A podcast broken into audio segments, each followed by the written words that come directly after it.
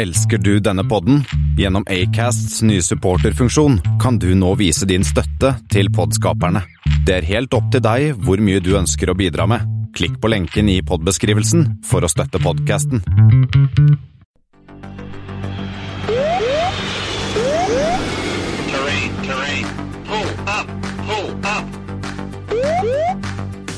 Hei og velkommen til Flypoddens Flight 40, som vi i dag har kalt Big in Asia. Eh, Det er jo en liten grunn til å feire. Nytt rundt tall. Hele 40 episoder. Kristian, hvem skulle trodd det når vi startet i, um, tidlig her i uh, februar i år? Nei, 40, altså det er et uh, rundt fint tall. Dere har jo ikke passert 40 ennå, men det har jo jeg, så jeg vet åssen det er. Hvordan det er. Neste, neste feiring blir, må bli når vi runder 42, Thomas. Det må vi, for det er svaret på livet, universet og allting. Men Nemlig. i dag så skal vi se på et fenomen som starta allerede tilbake i 1949, og som er grunnlag for at flere europeiske selskaper starter sine egne underbruk i Asia.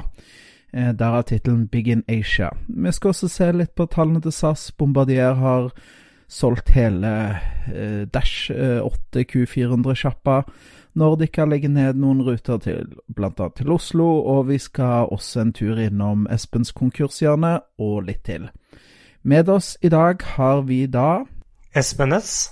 Kristian Kamhaug. og meg, Thomas Lone. Har dere noe nytt å melde? Noen av, Vi er jo i dag på hver vår sted. To stykker i Asker, én i Mjøndalen. Er det noen som har noe nytt å melde? Ja, jeg har jo nesten gjort noe flyrelatert i dag ved at jeg tok en tur ned til Aker Brygge og så på denne hangarskipet som ligger Ja, da med disse. Osprey-helikoptrene utenfor eh, Akershus festning. Den heter vel Iwo Jima, heter den ikke? Jeg så den, jeg også. Jeg tok jo båten min forbi i dag, og den er, min båt er jo litt mindre. Ja, og, og dette er jo bare det, et av de små hangarskipene deres, ikke et av de virkelig store. Jeg tenker, skal vi gå videre og se på eh, nyhetene siden sist uke? Det har jo nok en gang skjedd litt, og denne gangen, Christian, er det SAS som har sluppet eh, trafikktallene for oktober. Er det lystig lesning? Eh, ja, altså det, er, det ser ganske greit ut. Det er sånn, sånn som vi snakket om Norwegian-tallet sist. Det er, sånn, det er ikke sånn kjempespennende. Det er greit. Eh, Endte nå på en 2,63 millioner passasjerer, som er opp 1,4 Er det 2,7 hvis du tar med charter. Og så sier vi at ASK-ene og RPK-ene er ned. eh, fordi at det er mindre longhold og mer shorthold. Eh, mens vi så på Norwegian-tallene, så var det jo mye vekst i longhold og ikke så mye vekst på shorthold. Eh, nå faller jo RPK-en eh, mer enn ASK-en, så da eh, detter kabinfaktoren ned med 0,3 prosentpoeng. Det er jo så godt som ingenting, ned til 74,6. Og Norwegian hadde vel rundt en 85% av det, men det er jo forskjell på, på yielden, ikke sant. For mens Norwegian sin yield har gått ned dette stadig, så fortsetter SAS å øke yielden. Så på, på sånn 6% nominell, og det blir en, ca. en prosent da når du justerer for valutaen, så det går i hvert fall riktig vei for SAS, eller hva, Espen?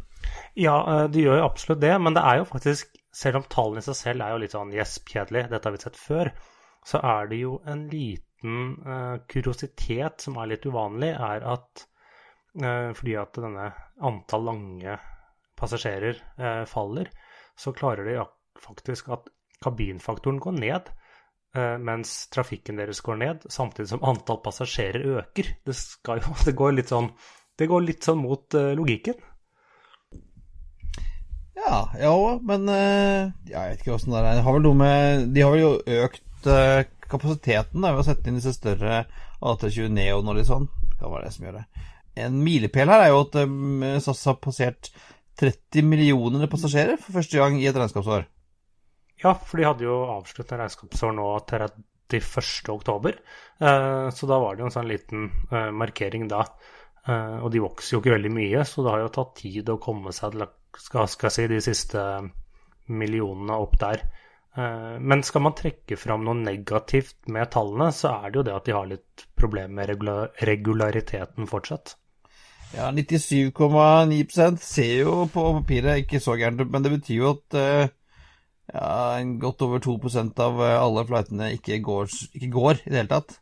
Ja, jo Og de har jo også det er jo ikke bra. Nei, og de driver jo fortsatt med en del sånn eh, siste liten wetlist, ikke planlagt. Jeg ser jo både disse Atlantic Airways, DAT eh, Jeg tror Jettime òg stadig driver og flyr for dem, så de klarer jo ikke helt å opprettholde programmet sitt på eh, egne maskiner og planlagte innleie akkurat nå. Nei, det ser jo videre også ut til å fly med, med bra om dagen, så jeg. Så det er jo tydeligvis at man har litt, eh, litt issues både her og der. og Det lover ikke godt for vintersesongen som eh, nærmer seg. Eh, Det kan jo skje mye rart. Ja, men når det kom faktisk til Widerøe, så leste jeg et sted at det er fordi at de får nye motorer på disse Embraerne sine. For de ble jo levert med Allerede? det var Ja, de ble levert, det var planlagt. Eh, fordi at de ble levert med litt sånn B-vare, litt sånn førproduksjonsmotorer. Sånn planen var hele tiden å sette på nesten gode nok motorer. Eh, og bare få flyene levert, og så bytte de til uh, top notch-motorer uh, denne høsten. Ja, ja, ok. Bra. Uh, og mens vi er inne på, på videre, Espen, så eh, Vi har jo snakket mye om, um, om Dash 8 som nærmer seg slutten av livet, og det er ingen som produserer dem lenger, men det kan hende at det skjer noe der? Eller? Ja, eh, for eh, det at eh, Bombardier de har jo slitt med deres kommersielle flyproduksjon de siste årene. De solgte jo da C-Series til Airbus, som da ble Airbus A220. Og nå har de da solgt da både da det hele Dash 8-programmet eh, og da Q400, som er jo den eneste eh, modellen de nå produserer, og det går ikke sånn kjempebra for dem. Eh, Bombardier sier de taper penger på hvert eneste fly de selger. Eh, og de De har der... vel ikke mer enn 50, 50 fly i backlog heller, noe sånt da? Nei, det, men det kommer en sånn jevnlig ordre i ny og ne. Eh, Så de har da solgt det, og også noe som ikke er første gang blir solgt, det er da de Haveland-navnet. Dette gamle, klassiske eh, navnet på det. Så de har kjøper da egentlig det som markedsføres under de Haveland da for 300 millioner, er det vel, tror det var kanadiske dollar, så det er litt mindre enn amerikanske.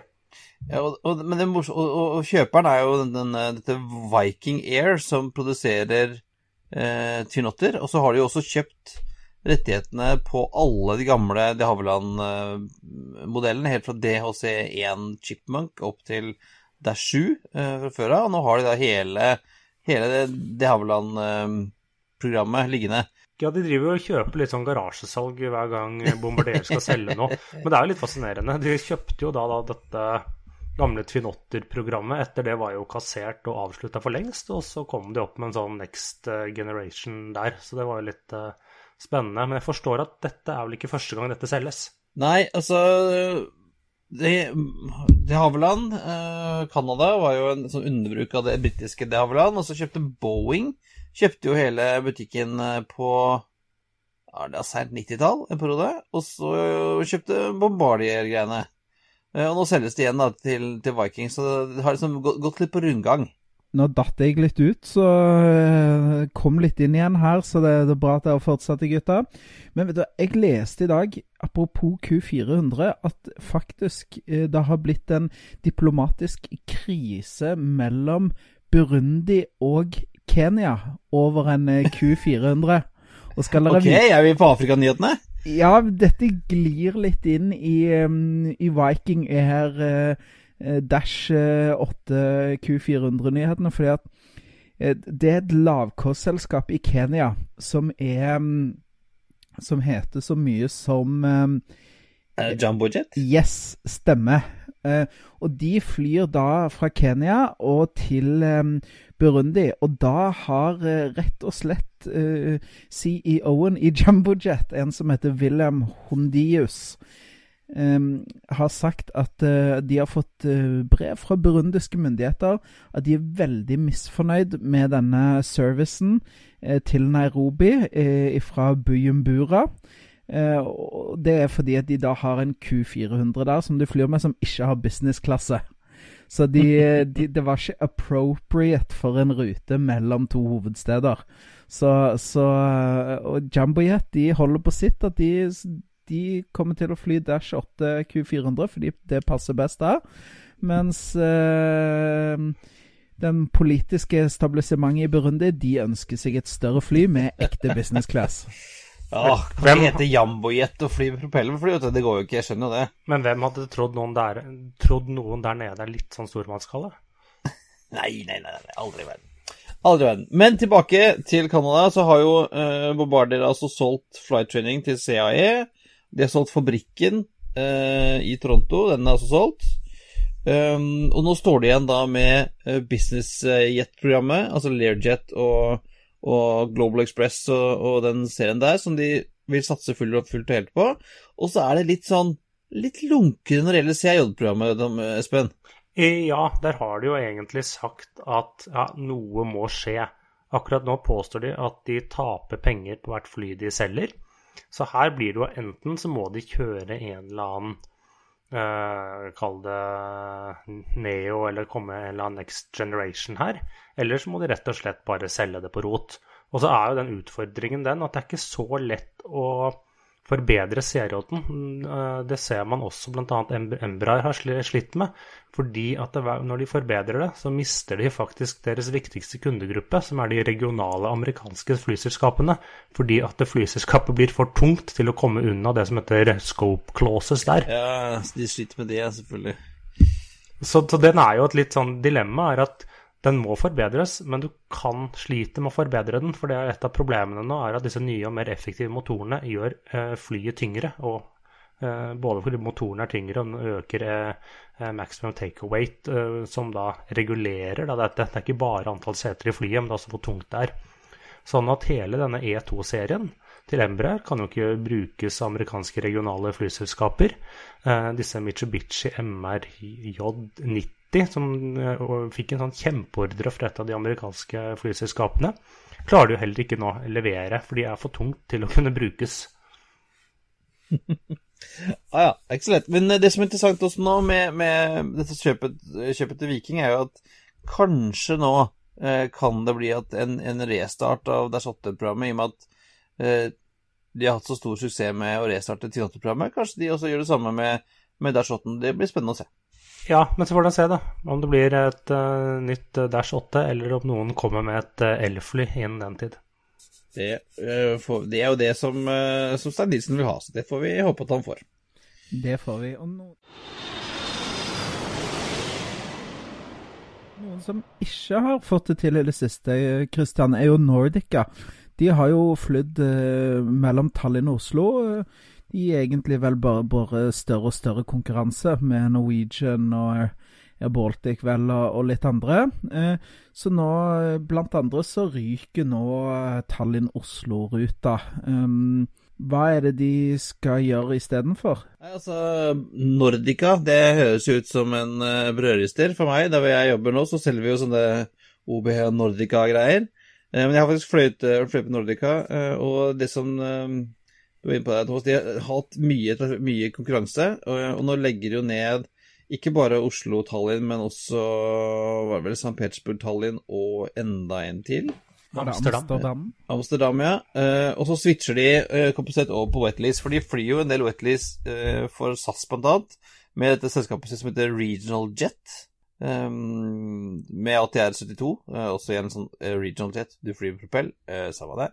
Eh, så, så de eh, switcher over til, eh, til eh, wetlease, litt sånn som vi så med, med, med CityJet også, at de eh, droppa egen produksjon og gikk over i, i regional, eller i wetlease-produksjon for andre selskaper. Mulig at det er en tryggere innkomstkilde det enn å drive rutetrafikk på eget, eh, eget navn. Og er jo, Nordica er jo som det gjenfødte Estonien, som også gikk på trynet. Så Ja, og samtidig så er det jo også et underbruk av Lott, for de eier jo store deler av dem, og de flyr jo ganske masse ruter for dem. Så de er litt sånn der Lott Estland. Men eh, samtidig så er det jo sånn vi har snakka om før, med at de kutter ut mindre og mindre egen ruteproduksjon og går inn i Wetleys kortere, og lengre kontrakter med andre flyselskaper, så er det jo Da tar man jo bort en del av risikoen med at man er nødt til å selge billetter. De får jo uansett betalt for hver eneste flytur de gjør. Og så er det SAS eller de som leide inn sin jobb å fylle de flyene. ja, det er jo en hyggelig måte å drive business på. Eh, litt lettere å holde og få penger inn i kassa. Terrain, terrain. Pull up, Og Apropos pengene inn i kassa, Espen. Vi har jo, Dette er jo ille, men vi har jo det, nå lagd nesten det, det faste Espens konkurshjørne. Og hvem er det som sliter nå, Espen? Ja, eh, heller ikke denne uka er det heldigvis noen konkurser som jeg har klart å fange opp. Men det er eh, to eh, selskaper nå som har litt problemer. Det var senest i dag så offentliggjorde disse britiske Flybe sine resultater, og for n-te året på, gang, på rad, eller n-te kvartal, eller jeg vet ikke hvor lenge, så taper de penger. Eh, og jeg vet ikke hvor mange ganger de har forsøkt å restrukturere seg, men akkurat nå så er det jo da brexit og oljeprisen som får skylda. Eh, de har jo aldri helt fått det til økonomisk. Eh, Sånn at nå har eierne sagt at vi gir opp, og vi selger skiten. Ja, det er, men én ting er å si at du skal selge, en annen ting er jo å få noen til å kjøpe. Dette vet jeg alt om. Jeg prøver å selge en trampoline. Eh, og tydelig at uh, Den har du prøvd å prakke på både meg og Espen. Ja, men Espen, du trenger en trampoline. Men altså, det, det, det er nok billigere å kjøpe min trampoline enn det er å kjøpe Flyby. For at, eh, det er jo ikke bare, du skal ikke bare kjøpe selskapet, du skal jo også drive det. Uh, og um, Men vi skal ikke prøve å kjøpe oss flyselskap videre, gutter. Altså, vi kan jo starte Flypodden som aksjeselskap, og så trykker vi bare opp Flypodden-aksjer til eierne av de, de nåværende eierne av, Flyby, og så tar vi en sånn Icelander Vov-finansiering. Oh. Ja, nei, nei, men si ikke det, si ikke det. Fordi at uh, Finner de solgte jo halve, eller kjøpte, unnskyld, kjøpte tilbake halve disse Norra for en euro. Så det er jo ikke sikkert at, eller helt usikkert at Flyby blir solgt for en krone, de heller. Nei, og Bråten kjøpte jo også sin tid uh, Transwede for en krone, tror jeg. Så det ble også en dyr, en, en dyr, eh, en dyr krone. Det er liksom dyrere enn den der mobiltelefonen som ble solgt for en krone på tidlig 2000-tall. Ja, det må jo være en sånn moral er at eh, kjøp aldri mobiler eller eh, flyselskap til en krone. Det er sant. Og, og noen andre som også er i trøbbel, Espen, og noe litt synd, syns jeg, da. For det, jeg syns det er et fantastisk bra flyselskap. Har flydd mellom Kroatia og Frankfurt eh, et par ganger.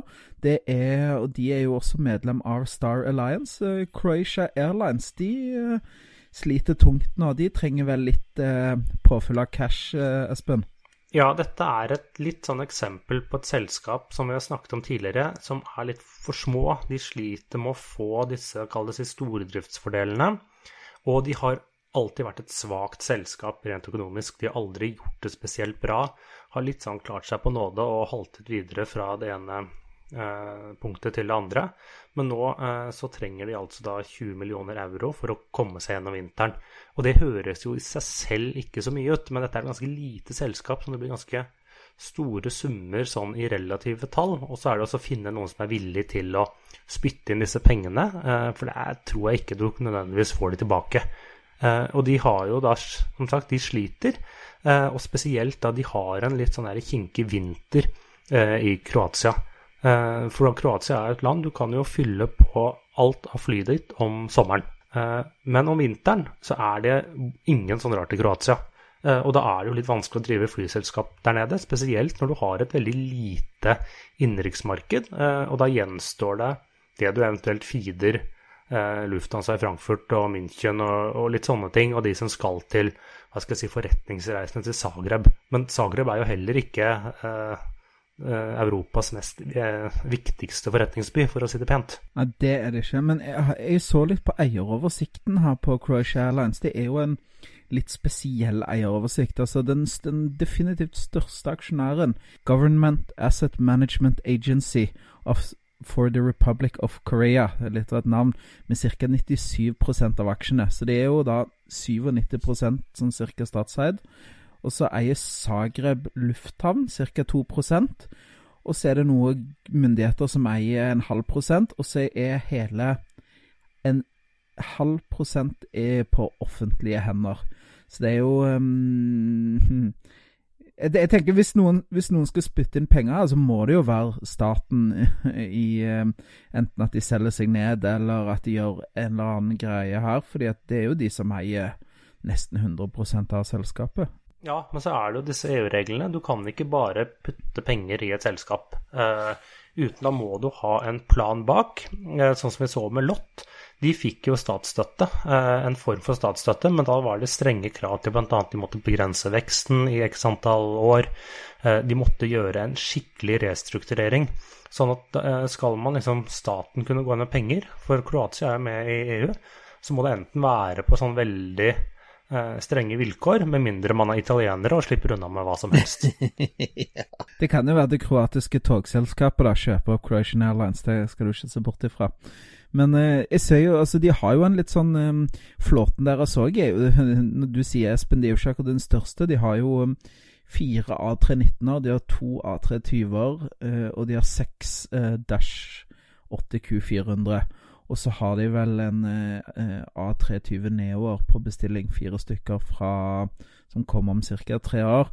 Så det, det, er jo som du sier, de sliter jo litt da med, med totalt tolv fly og få noe spesielt stordriftsfordel. Uh, ja, og de sliter jo også med å fylle disse flyene, eller på vinteren, mens på sommeren så er det jo motsatt. De har jo bl.a. fløyet til Oslo nå de to siste somrene. Jeg vet ikke om du husker ikke hvor mange ganger i uka det var, tre-fire ganger til eh, Zagreb. Men da har de brukt en CRJ 1000 som er leid inn gjennom Nostrum, Air Nostrum.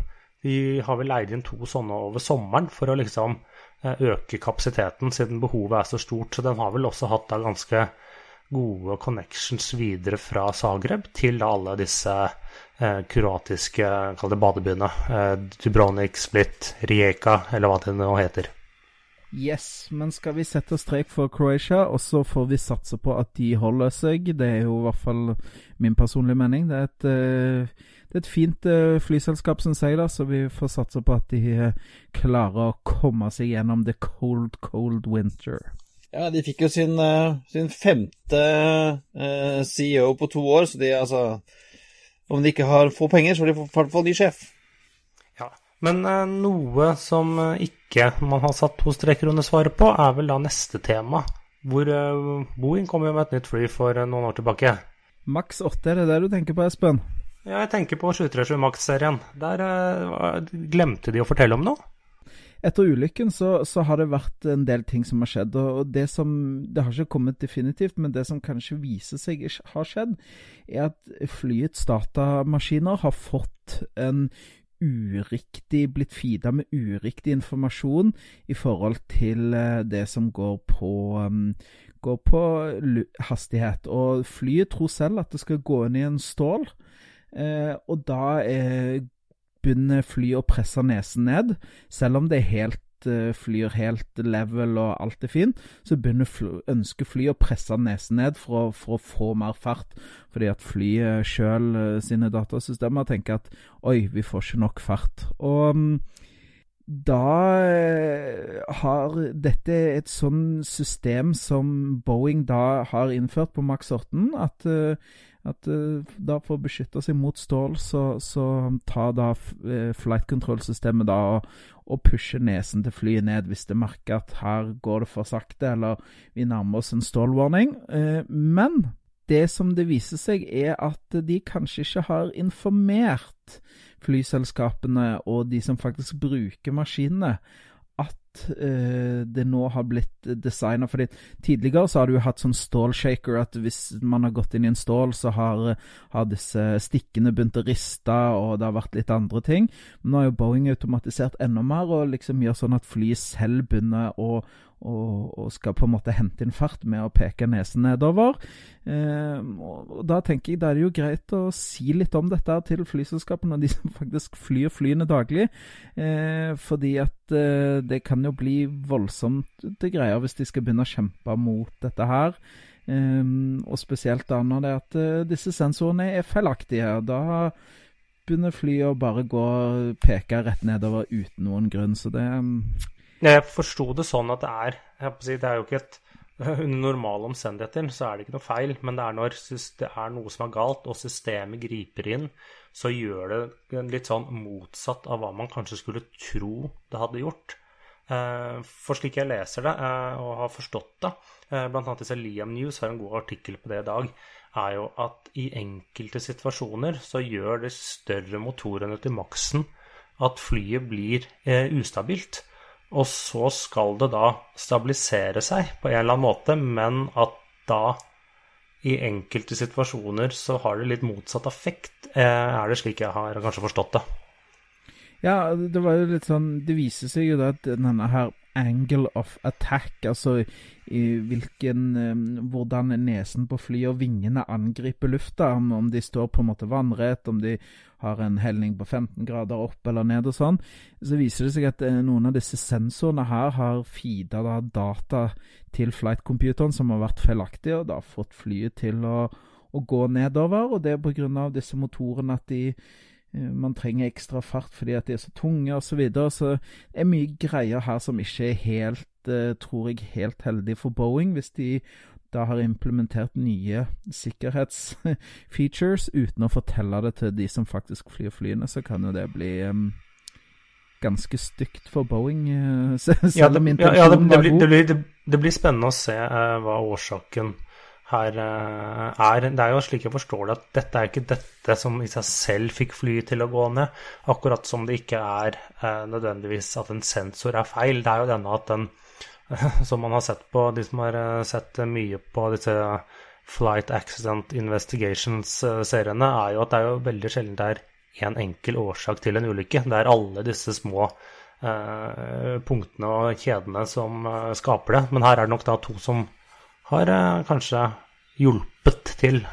Ja, som skulle vært ganske unødvendig. Eh, hadde de som jeg skjønte Hadde de visst om denne endringen, så hadde de beha behandlet det som skjedde, kanskje på en helt annen måte. Da kanskje det hadde ikke vært så, så farlig, da. I eh, Frankrike her så har det skjedd litt morsomme ting, og du trakk jo godt på smilebåndet, Christian, og tenkte at her var det uh, Dette var karma som, som skjøt tilbake på Ryanair. Ja, eller jeg har, I og med at jeg nå har, har erfaring fra inkassobransjen, så der jobbet vi jo mye med sånn eh, Hvis man ikke betalte bilen, så kom noen og henta den til slutt, ikke sant. Og det Man kan jo ta, man kan ta arrest i folks assets hvis man ikke betaler. Eh, og det har jo tydeligvis eh, myndighetene i Frankrike gjort, fordi at eh, Ryanair skyldte en eh, halv million euro. eh, fordi at For de hadde blitt. Ja, ikke sant. Det er, altså, det er ikke sånn at de ikke hadde råd til å betale, de bare gadd ikke. Eh, det, skyld, det er fra en, en sak om ulovlig statsstøtte, eller lokal støtte på, noen flyplasser, som Ryanair tapte. Du skulle betale tilbake en million euro ca. Betalte tilbake halvparten av den, beholdt den siste halvparten. Men nekta å betale, sånn som de ofte gjør. Eh, og til slutt så valgte franske myndighetene eh, å bare ta rest i et av flyene deres i Bordeaux. Ja, og det, eh, det er jo veldig sjeldent det skjer. Man har hørt om folk har liksom ikke betalt landingstillatelser og litt sånne ting, og så blir tatt arrest sånn like før konkurs. Men her var det jo rett og slett at de ikke gadd, gadd betale. Og tydeligvis var de vant til at dette slapp de unna med, men det var noen franskmenn som ville noe annerledes. Var det ikke dette som nettopp skjedde i Danmark òg? Var det ikke Vueling som eh, må, fikk flyet tatt i arrest når de skyldte en million kroner til eh, de danske forbrukerne gjennom sånn EU 261-krav eller noe sånt? Eh, jo, eh, det stemmer, bortsett fra at det kom aldri så langt at det ble tatt i arrest. Men det var at eh, danskene sa at hvis ikke dere betaler nå, så kommer vi og setter snømåke, snømåkerne bak flyet deres, så dere ikke får pusha ut. Og da var de kjappe å få betalt. Men tilbake til dette, denne hendelsen med Ryanair i Frankrike. Jeg syns jo den beste da, liksom prikken over i-en, er jo at eh, etter å ha tatt flyet i arrest, så går da det franske eh, luftfartsmyndighetene ut på Twitter og skriver at her har alle de 149 passasjerene eh, rett på 300 euro i sånn EU 261-kompensasjon fra Ryanair. Da dette er noe som lå under flyselskapets kontroll, og dette liksom går de offentlig ut med, bare for å Bare for å stikke kniven ordentlig inn i øyet til uh, Michael O'Leary. Ja, det var nydelig. Ja, det er liksom, man er liksom Jeg føler ikke at franskmenn er de som er mest kjent for sin gode humor, men her, eh, her traff de. Og det er jo ikke første gang heller Det er jo ikke første gang heller at Ryanair har fått, tatt, eh, fått fly tatt i arrest. Eh, en sak for noen år siden i Manchester, hvor flyplassen hadde innført en ny eh, avgift som Ryanair selvfølgelig ikke var interessert i å betale, og de betalte aldri avgiften helt til da eh, et av flyene som kom inn til Manchester, ble dirigert bort til et stille sted. Passasjeren tatt av en buss, og flyet tatt i arrest.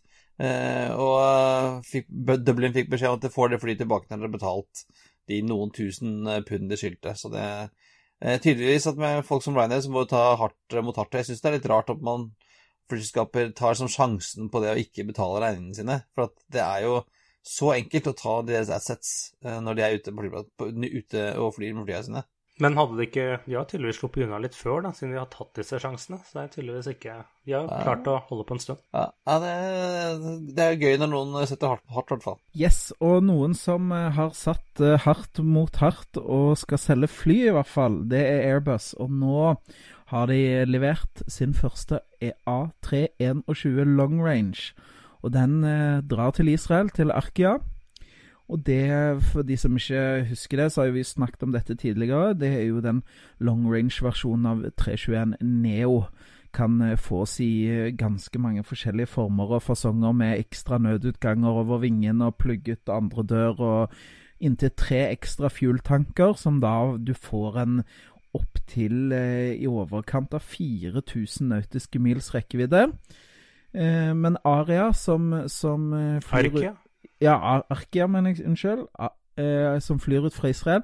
De putter da 220 seter i sin eh, A320 eh, LR. Og da går rekkevidden ned til en ca. 3300 nautiske mil. Men det er jo allikevel ganske bra rekkevidde, syns jeg. det 3300 nautiske mil. Og um, Arkia sier jo da at uh, på, på pressemeldingen som de slipper, at dette flyet gir en overlegen setekostnad. Fleksibelt for oss å bruke, kan gjøre seg på lange, veldig lange og på korte legs. Og ja, det virker som de er veldig fornøyd. Og De har også kommet til en sånn relativt eh, fargerik maling, og slik jeg leste i dag, så skal de dukke opp i ny og ne til eh, Norge, både Oslo og Bergen, I til sommer. I ny og neo? Eh, om det er sånn bibelcharter til Israel eller de israelere som skal på fjellcharter i Norge, det vet jeg ikke. Men eh, de, jo, de fløy, jo, fløy, jo, der i år med andre fly, så da den, kan man se den i, i Norge til sommeren.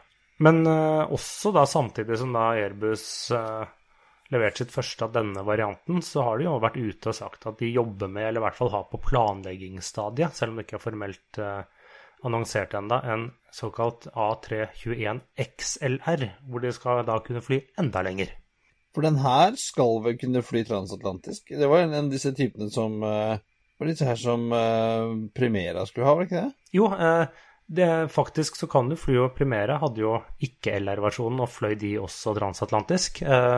så du klarer jo det faktisk med en standard A321 Neo. Men da kan den her fly enda lenger eller ta enda mer payload. Og det var jo egentlig Primera som skulle få den første eh, long range-versjonen, men eh, det skjedde jo selvfølgelig da ikke. Nei, og det er klart, og så tenkte jeg det at de, de fløy opp mot ca. 4000 nautiske mil. Eh, og det er klart det at da kommer du jo f.eks. fra London Heathrow og langt inn i Midtvesten i USA. Du kan fly eh, nesten eh, til Seattle. Det er nå ikke det Midtvesten, men du kan også Nesten holder ja, ikke, Thomas. Nei, det gjør ikke det. Men eh, du kan eh, lett fly til Minneapolis. Du kan lett fly til Chicago. Du kan eh, lett fly til både Atlanta og Cincinnati og ja, egentlig eh, til og med fra London Heathrow til Florida er, er mulig å fly med den nye ja, 321 da strekker du jo den ganske langt sånn i forhold til uh, hva man uh, har å gå på av payload. Men det som er også Man ser jo da hvor denne maskinen har solgt bra. Blant annet nå så skal jo da Air Lingus og TAP uh, Air Portugal ha bestilt flere maskiner. Og de er jo de landene som ligger da, si, lengst ute i Atlanteren, og som har kortest vei til det amerikanske kontinentet. Og hvor disse da er liksom glimrende maskiner når du ikke trenger å fly like langt som f.eks. da selskapet som holder til i Norge, eller ikke minst Tyskland og nedover Sentral-Europa, som får da en time ekstra eh, reisevei, som, og da gjør at de ikke klarer det. Jeg lurer på hva United kommer til å gjøre. Jeg. Fordi de har jo en 757-operasjon ut ifra Newark. Um, og der eh, Dette er jo fly som vi har snakket om før, begynner å dra seg opp imot 30 år, enkelte av de 757-ene. Eh, det var den, det var den 797-en, da, Thomas. ja, men eh, vi har, Den det, kommer jo vært, ikke før om ti år. det har vært litt stille fra Boeing nå, så det er klart hvis eh, Airbus og selgerne der klarer nå å vise at denne E E321 LR og kanskje ekstra long range leverer eh, så mye som, som Airbus håper på, så, så kan det jo være at du eh, ikke ser bort ifra at det er en del amerikanske selskaper, United, American Airlines, som kanskje kommer til å shoppe litt eh, europeiske flymaskiner eh, straks. Ja, man- får i hvert fall se, men de har jo også samtidig egentlig redusert allerede nå i dag eh, 757-operasjonene til Europa ganske kraftig. Eh, enten har de kutta rutene der det ikke har gått noe bra, eller så har de rett og slett eh, satt inn større fly, 767-ere og 787-ere. Så spørsmålet er liksom hvor reelt er behovet den dag i dag, når de har kan det si, løst det på en annen måte, men det, kanskje det er mer ideelt å sette inn en, eh, da en A321 long range. Ukas eh, tema eh, Vi har jo kalt eh, dagens sending for Big in Asia. Og hvorfor har vi det egentlig? Her skal vi blande både inn litt politisk historie, litt flyhistorie, litt asiatisk historie og ja, egentlig alt mulig. Så take us away, Christian. Fortell litt om hva er det du ønsker å snakke om i dag? Nei, dette her er et litt morsomt lite tema som vel er litt ja, Det er nesten, nesten fly på den historiske avdeling som uh, våkner igjen. For at det tenkte jeg på her en dag, at det, på, på 90-tallet så var det en del selskaper som uh, dukket opp rundt omkring i Europa. Som du hadde KLM Asia, var det British Asia Airways, vi hadde Air France Asie. Uh, Swissair Asia, Australia Asia Airlines og Japan Asia Airlines. Disse underbrukene av store handelsselskaper um, uh, som hadde én rute og kanskje et par fly bare. Um, som var et sånn merkelig konsept. og Noen har kanskje sett bildene av det. Vi har hatt Swissair-fly, f.eks. Swissair Asia hadde jo vanlige Swissair-farger, men istedenfor det um, hvite korset på halen, så hadde de et kinesisk tegn, f.eks. Eh, og For å forstå dette her, så må vi tilbake til 1949, som du snakket om, Thomas. Tilbake på slutten av den kinesiske borgerkrigen. Mao og kommunistene hadde da vunnet krigen, og Chiang Kai-shek og nasjonalistene de flyktet fra fastlandet til eh, øya Taiwan, hvor de opprettet republikken Kina. I motsetning til Folkerepublikken Kina, eh, som Kommunist-Kina heter. Sånn formelt sett. Eh, og begge disse landene, begge Kinaene, hevdet å være det ekte Kina. We are the real China. Um, og mente at de skulle representere Kina internasjonalt. Uh, I starten så var jo Taiwan, da, eller republikken Kina, som uh, satt, hadde Kinas sete i FNs sikkerhetsråd sånn til 1971. Uh, og da ble de kasta ut til fordel for Folkerepublikken, som da ble litt større og litt viktigere, og da var liksom ikke prinsippene så viktige lenger for amerikanere, blant annet. Eh, og da, selv om eh, nå eh, Taiwan har liksom gitt opp sitt krav på at de skal ha, ha altså territoriale krav på uh, Kina, så mener altså Kina-Kina, Folkerepublikken Kina, fremdeles at Taiwan er en utbryterrepublikk. Det er en del av, det er en provins i Kina. Hvis du ser det som offisielle kart fra Kina, så er både fastlandskina og Taiwan en del av Kina. mens vi andre vil jo si at Taiwan er et land, og Kina er et land. Ja, Det var jo det som skjedde nå nettopp, at eh, hvis du f.eks. søkte til Taipei, eh, så kom ikke, så kom ikke Det var noe med at eh, kinesiske myndigheter hadde pressa på, sånn at eh, Taipei var lå som Altså, var det komma Kina sto det bak der, eh, et eller annet Ja, ja, ja, Du kunne ikke søke liksom, på landet Taiwan for å finne flights til Taipei. Du måtte liksom søke på Kina og så Taipei. ja, stemmer. Sånn. Eh, ja, eh, og litt sånne greier. Og så eh, krever nå Kina at hvis, hvis du som eh, nasjon har eh, diplomatiske forbindelser med Kina, så kan du ikke ha diplomatiske forbindelser med Taiwan. Eh, sånn eh, For de er jo ikke et eget land, mener eh, Kina, da. Og I dag så er det vel bare 19 land eh, som har anerkjent eh, Taiwans selvstendighet. Og det er sånn Tuvalu og et par andre sånne småøyer og Vatikanet og litt sånn. Eh, Norge har ikke anerkjent Taiwan, vi har ikke diplomatiske forbindelser med eh, Taiwan i det hele tatt. Eh, og liksom eh, de landene som har, fått, som har godkjent, anerkjent Taiwan, tipper jeg har fått litt penger derfra, bare for, for å gjøre det. Eh, og så er det sånn eh, hvor nazi skal det, kineserne er overfor eh, Taiwan. Det går sånn litt opp, litt i bølger. Nå har det jo faktisk eh, blitt mulig å fly direkte mellom eh, Taiwan og, og Kina. Også kinesiske flyselskaper flyr nå mellom de to landene. Eh, eller innenriks, som kineserne kaller det. Eh, før så det, måtte du liksom fly via, via Hongkong eller, eller Macao. Eh, og så, endelig, nå, Thomas, kommer vi til poenget. Og det er at nasjonale flyselskaper eh, fikk da ikke lov tidligere å både fly til eh, fastlandskina og Taiwan av kineserne. Du måtte velge side. Skulle du fly til Kina, kommunist-Kina, eller skulle du fly til Taiwan-Kina? Ja, eh, men eh, på papiret i hvert fall, eh, så, kunne, så, kunne, du ikke det. Men eh, eh, mye i Kina handler jo om det her å, å save face. så da dukket det opp Plutselig dukket det opp flyskaper da, som KLM Asia, som var så ut som KLM, lukta som KLM, men det sto KLM Asia på halen. Det hadde ikke nederlandsk flagg. Det hadde ikke KLM-logo på, vanlig logo. Um, og da var man liksom Da var man home free, da. Så man lagde disse um, datterselskapene som hadde ett formål, det var å fly til Taipei. Og hadde kanskje noen få fly, og så malte de et par av disse flyene i fargene, og så fløy de rundt og latet som det var et annet selskap, slik at nei, nei, vi i KLM vi flytter ikke til, til Taiwan. Det er det KLM Asia som gjør. Det er ikke oss, det er noen andre og jeg har en eh, Nå har jeg gjort, funnet en skikkelig rosin i pølsa, Christian. Nå har jeg gravd dypt i, i, flyhistorikken og skal trekke en linje faktisk fra British Caledonian via British Airways til British Asia Airways og videre da til dagens Eva Airlines, som eh, opererer ut fra Taipei. Er du klar for det? Okay. Ja, kjør på. Når British Airways starta sitt da Asia-selskap, British Asia Airways, så gjorde de det med at de fløy da på BA sin IATA-kode mellom eh, London og Taipei, men så hadde de også flighter mellom Taipei og Hongkong. Og da fløy de med en kode som heter BR, altså Bravio Romeo.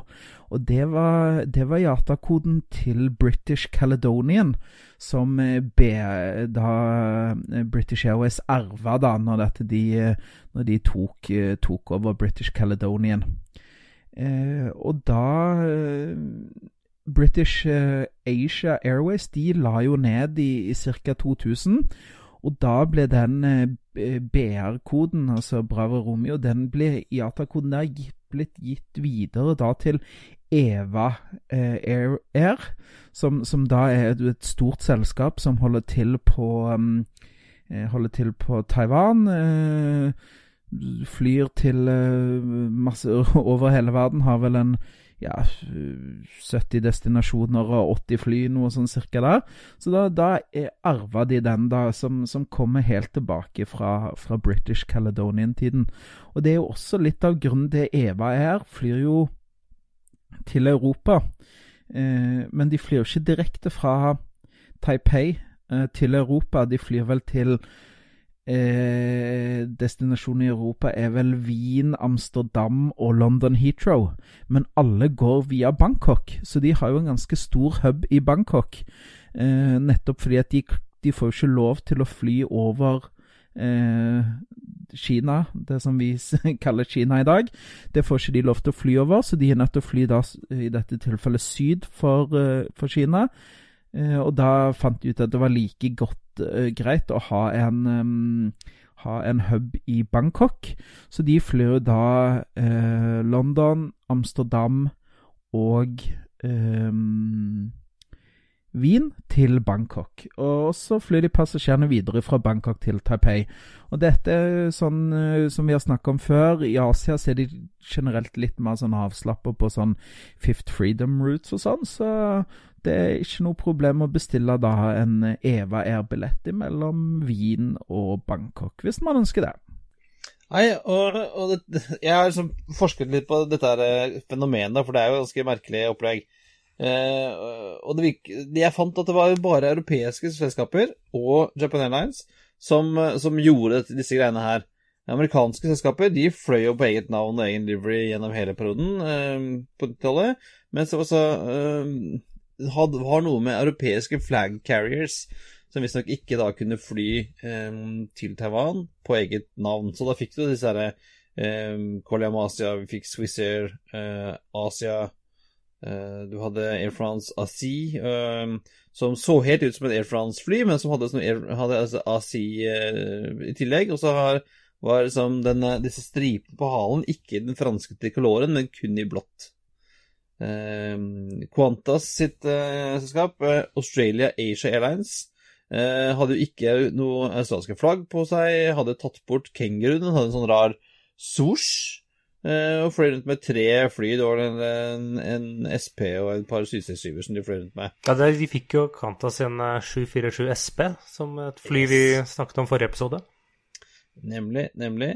Eh, og Japan Airlines hadde jo denne, dette Japan Asia Airlines. Eh, som de holdt på med helt fram til eh, Jal ble privatisert i 2007. Og da ble vel kanskje det ikke ansett, ansett som en flag carrier av, eh, av, Beijing, og da trengte ikke det lenger. Så eh, de som holdt ut lengst, var vel KLM Asia. De tror fremdeles finnes et og, et og annet fly med de fargene på. Jeg fløy bl.a. en gammel 747 300 kombi fra Houston til Amsterdam, som sto KLM Asia på.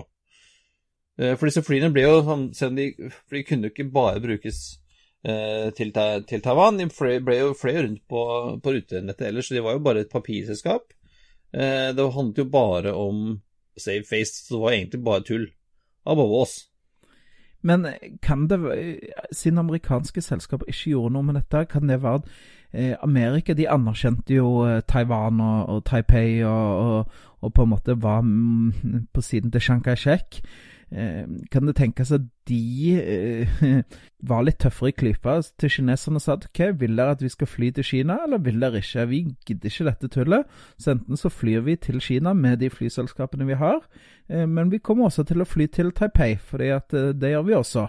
Så det kan jo være Nei, det hadde vel det hadde noe med dette, dette her, at du var en designated flag carrier. da, sånn, ingen amerikanske, Alle amerikanske selskapene var private, så var jo ikke de en del av, av staten. Og, og BA vet ikke om jeg forstod det, fikk jo lagt ned den derre British Asia Airways eh, omtrent når de ble privatisert også, så det hadde noe med hvor, i hvilken grad du var en eh, et, liksom et uh, ja, en, en, en, forlenget arm av staten, tydeligvis. da. Det er i hvert fall slik som kineserne så på det.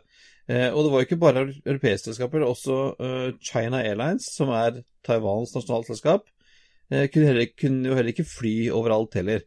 De fikk jo heller ikke fly til en del land som ikke turte å godkjenne Taiwan, for da fikk de kjeft av kineserne. Så da opprettet de jo Mandarin Airlines Eh, mandarinselskapet som eh, fløy rundt eh, og en del av disse internasjonale rutene til China Airlines, bl.a. til Hongkong og, og litt sånn. Men ja, og, og, var det ikke sånn at de, de gikk jo heller ikke fly mellom Folkerepublikken Kina og Altså Kina-Kina og Taiwan-Kina. Så da måtte man vel fly via Hongkong? Var det ikke ja, for traf, traf, Det var jo et stort trafikkgrunnlag, så det gikk jo sånn der, var det omtrent en 747 i halvtimen uh, mellom Hongkong og Taipei en uh, periode. Ja, det, men det, det, gikk jo ikke fly mellom Kina og Hvis du spurte, så Nei, nei, det går ikke fly mellom Kina og Man kan ikke fly mellom Kina og Taiwan, det var jo svaret fra kinesiske myndigheter. Mens alle visste jo at man hadde jo til og med codeshares på disse flightene. Eh, fra Beijing via Hongkong til, eh, til Taipei. Så det, helt, altså det, er jo helt ko-ko. Så da eh, skal vi, tenker jeg skal vi sette en, en strek der for dagens leksjon i ko-ko, og så heller gå videre til noe som er ganske fornuftig. Espen, du ønsker å anbefale noe i dag? Ja, som ukens anbefaling så er det da den årlige kalenderen fra SAS-museet. Eh, man kan jo også anbefale museet seg selv. Åpent hvert er det tirsdag og søndager. Men de kommer da altså ut med en årlig kalender eh, som koster 100 kroner pluss porto. Og de pengene går vel til eh, driften av museet, eh, slik jeg har forstått det. Så vi legger ut en eh, link til dette på siden, hvor denne kan bestilles. Det er jo et, et, et, et veldig flott tiltak, og veldig fine bilder på de kalenderne jeg pleier å. Jeg pleier å kjøpe et par sånne. Sist tror jeg jeg betalte dobbel pris, bare fordi at jeg syntes det var et godt uh, formål. Det er jeg helt enig med deg i, og Christian, og jeg tror faktisk jeg skal kjøpe en eller to selv. Og vi har jo, apropos gode formål, Thomas. Ja, Hva har du fiksa i dag? eh, jeg har fiksa at vi nå også er på VIPS. Så hvis noen ønsker å støtte oss, men av en eller annen grunn ikke ønsker å bruke Patron, så kan man også søke etter Flypodden på VIPS, og vil da kunne støtte oss med en slant der. Og du prøvde det, Christian, så det fungerte bra, det. Det fungerer helt fint. Jeg har gitt en femmer i dag. Det er bra. Det er oppfordringen til alle. Gi en femmer om dagen til Flypodden. Da, da blir det sus i Da blir det julebord på, til oss til, til neste jul. Ja, kanskje det. Kanskje det. Nei, men eh, det tenker jeg at det var alt eh, for denne gang. Ehm, Flight 40 er nå eh, klar for å gå inn for landing, så det er rett og slett på tide å feste sikkerhetsbeltene, rette opp setet og sikre at man har fri sikt ut gjennom vinduet. Som vanlig så finner dere linker til alt vi har snakket om i dag på flypodden.no. Du finner oss også på Facebook, på Twitter og på Instagram. Og vips. Og vips, ja. Takk. Og eh, hvis du har spørsmål, vil du invitere oss på flytur, ønsker du å sponse oss, eller eh, kanskje bare sende oss en mail, så finner du det på hallo-alfakrøllflypodden.no. Og vi har jo faktisk fått litt mailer i den siste tiden, eh, så det setter vi veldig stor pris på. Så bare fortsett å sende, så svarer vi etter beste evne og tar med noe i sendingen hvis det er noe som, som egner seg på lufta. Da sier jeg takk for nå, og på gjenhør neste uke. Ha det. Ha det bra. Hei da! We thank you for flying with us today. We truly appreciate your business and look forward to serving you on a future flight.